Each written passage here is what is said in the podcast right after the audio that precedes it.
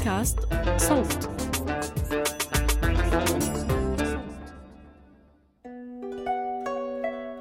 كان يا مكان في بعيد البلدان. ملك يسهر ولا ينام إلا على قصص الإنس والجان.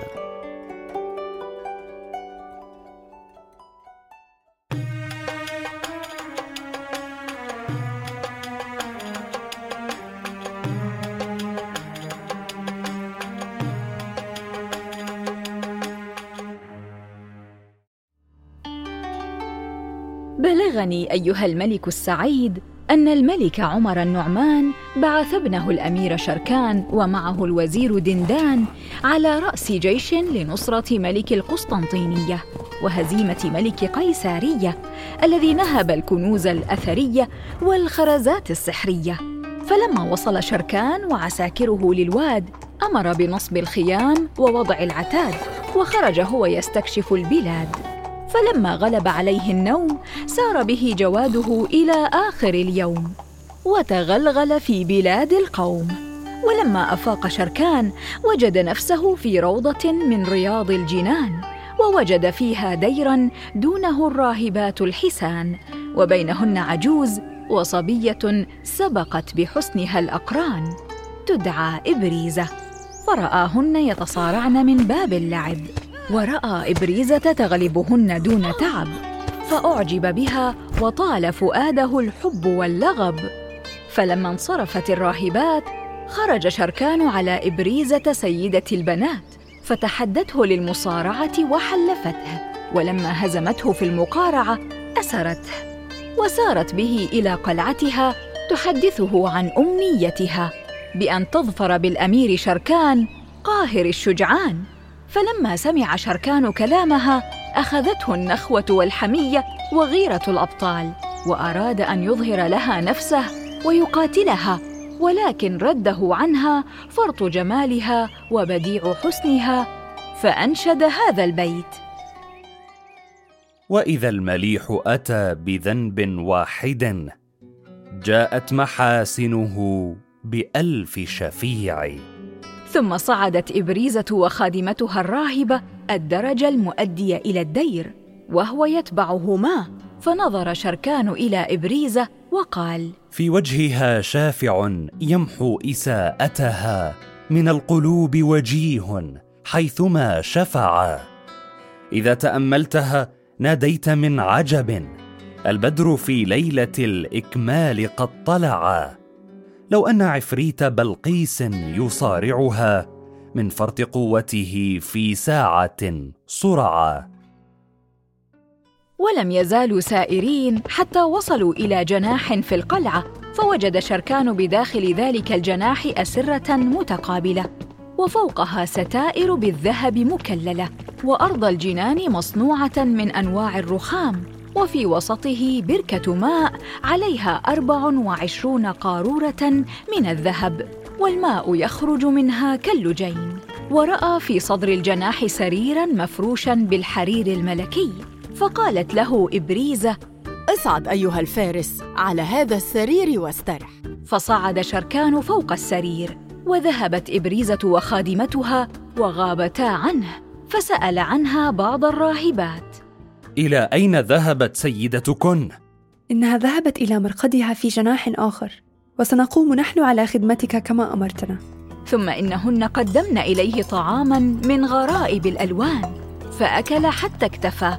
ثم بعد ذلك قدمن إليه طشطا وإبريقا من الذهب فغسل يديه وخاطره مشغول بعسكره. ترى ماذا جرى للعساكر والوزير دندان؟ أرجو الا يكون جيش الملك قد باغتهم في غيابي. ما كان علي أن أتركهم في أرض العدو عرضة للخطر بعد أن أوصاني أبي بهم وأخذ مني المواثيق؟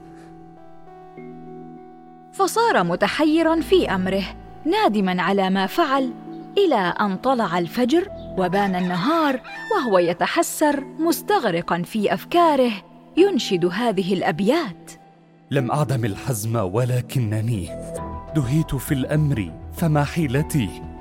لو كان من يكشف عني الهوى برئت من حولي ومن قوتي وإن قلبي في ضلال الهوى صب وأرجو الله في شدتي.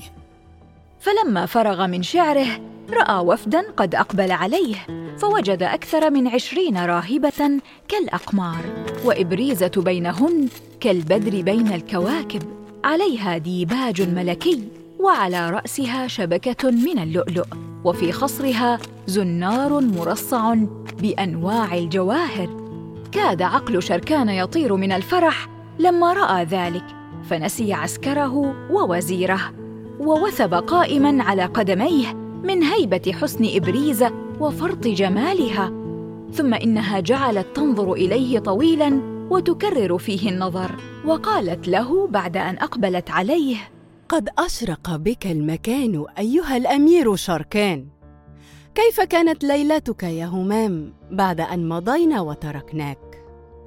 صعق شركان عندما علم أنها عرفت حقيقته فعجز عن الكلام.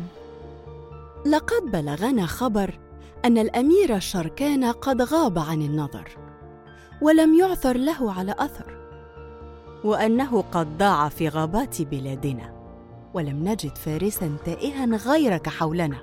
فاصدقني القول. إن الكذب عند الملوك منقصة وعار ولا سيما عند الملوك الفرسان. وأنت شركان ابن عمر النعمان فلا تنكر نفسك وحسبك. ولا تكتم أمرك عني ولا تسمعني غير الصدق. إن الكذب يورث البغض والعداوة وقد نفذ فيك سهم القضا وعليك التسليم والرضا. فلما سمع كلامها لم يستطع الإنكار فأخبرها بالحقيقة. أنا شركان بن عمر النعمان الذي عذبني الزمان وأوقعني في هذا المكان. فافعلي بي ما تشائين الآن. فأطرقت برأسها إلى الأرض وهلة ثم التفتت إليه. طب نفسه وقر عينا فإنك ضيفي وصار بيننا وبينك خبز وملح وحديث ومؤانسه فأنت في ذمتي وفي عهدي فلا تخف. وحق المسيح لو أراد أهل الأرض أن يؤذوك لما وصلوا إليك قبل أن تخرج روحي فداك. ولو كنت أريد قتلك لقتلتك حاله ولما أضعت الوقت في خداعك. ثم تقدمت إبريزة إلى مائدة طعام وضعتها الراهبات وأكلت من كل نوع لقمة ليطمئن شركان. فجلس شركان وأكل ففرحت الصبيه وأكلت معه إلى أن اكتفيا. وبعد أن غسلا أيديهما قامت الصبية وأمرت راهبة أن تأتي بالرياحين والشراب في أواني الذهب والفضة والبلور. وأن يكون الشراب من الأنواع النفيسة. وأمرت راهبة أخرى أن تأتي بآلات الطرب والموسيقى فأتينها بجميع ما طلبته. ثم إن ابريزه ملأت قدحا وشربته قبله كي تطمئنه كما فعلت في الطعام. ثم ملأت قدحا ثانيا وأعطته إياه فشرب. ثم قالت وقد بدأ قلبها يرق له. أتحفظ شيئا من شعر العشق والعاشقين؟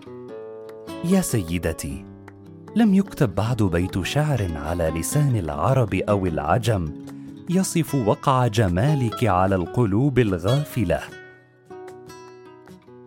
فابتسمت وظلت تشرب معه وهما يتسامران على أنغام العود والقانون والدف إلى أن غابت الشمس.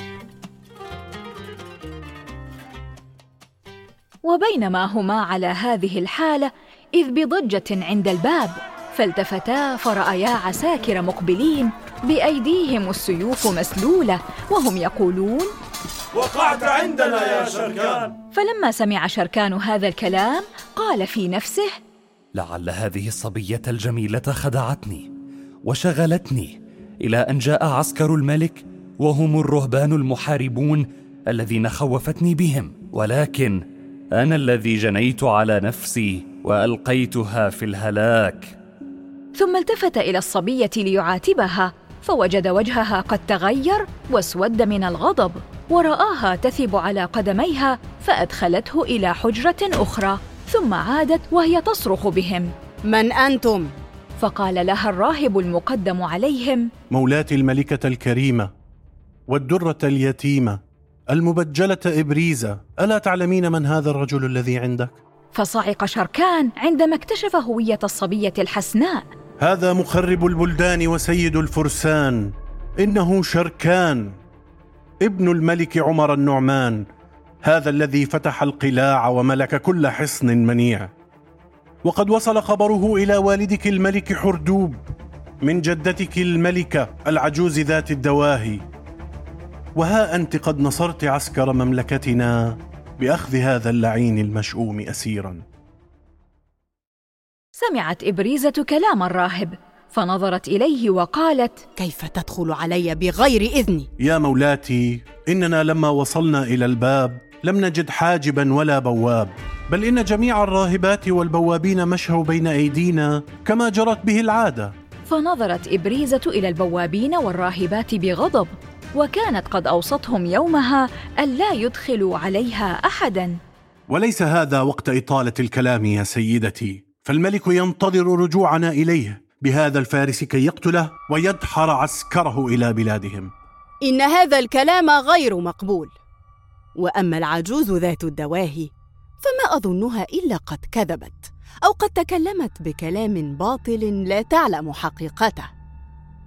وحق المسيح لو كان هذا الرجل هو شركان لاسرته إنما هو رجل أتى إلينا وطلب الضيافة فاستضفناه. خاف الراهب منها واحتار في أمره.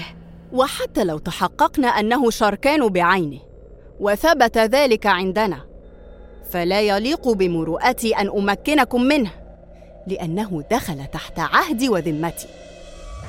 فلا تخونوني في ضيفي ولا تفضحوني بين الأنام بل ارجعوا إلى أبي الملك واخبروه بأنكم وجدتم الأمر بخلاف ما قالته العجوز ذات الدواهي.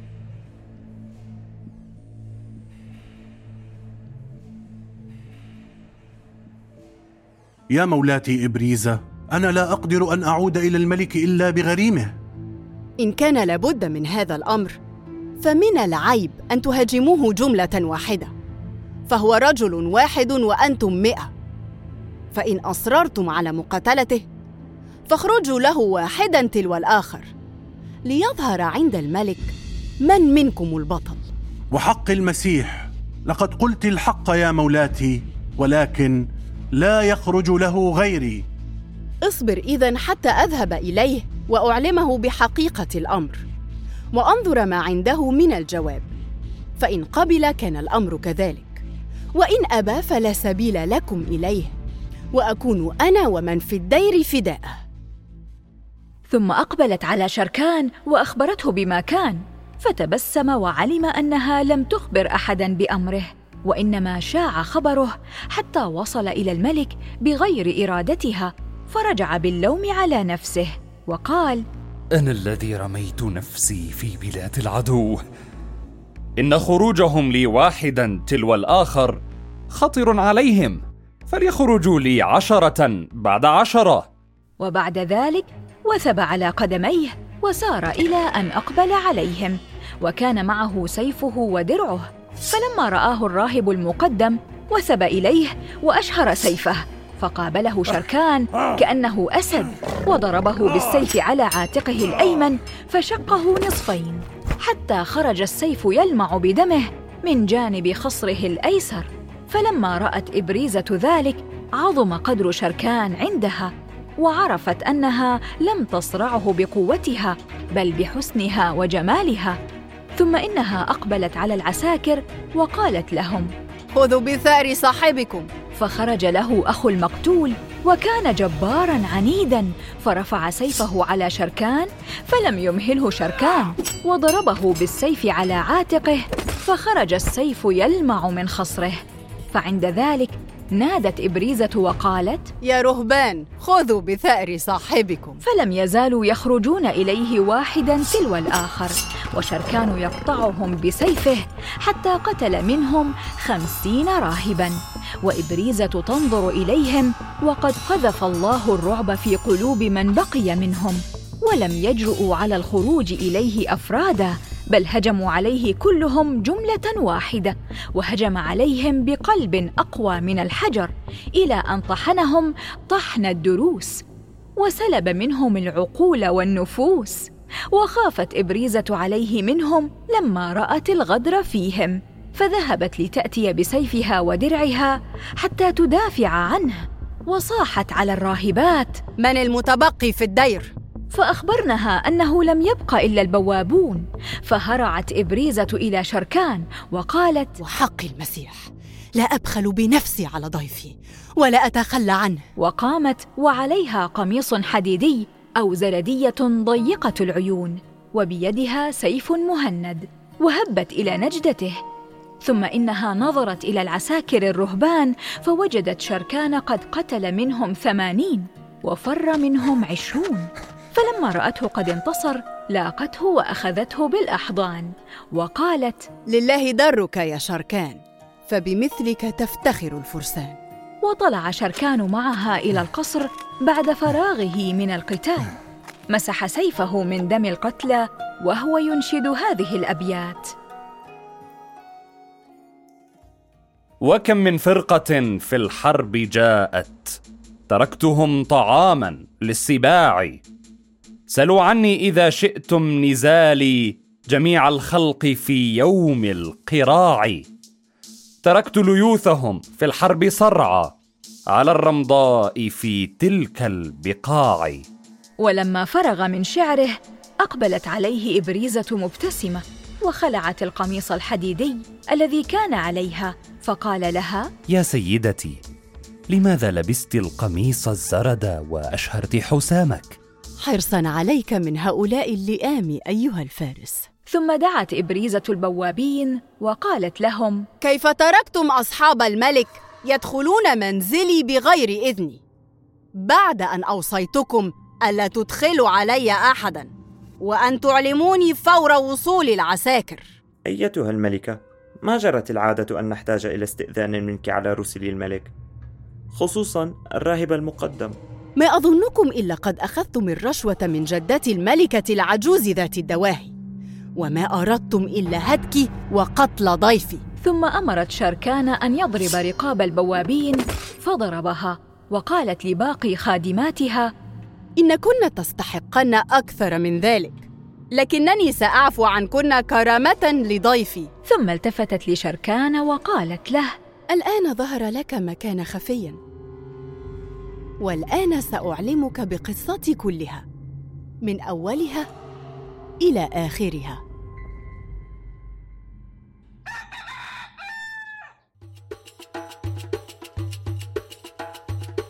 وهنا أدرك شهرزاد الصباح فسكتت عن الكلام المباح.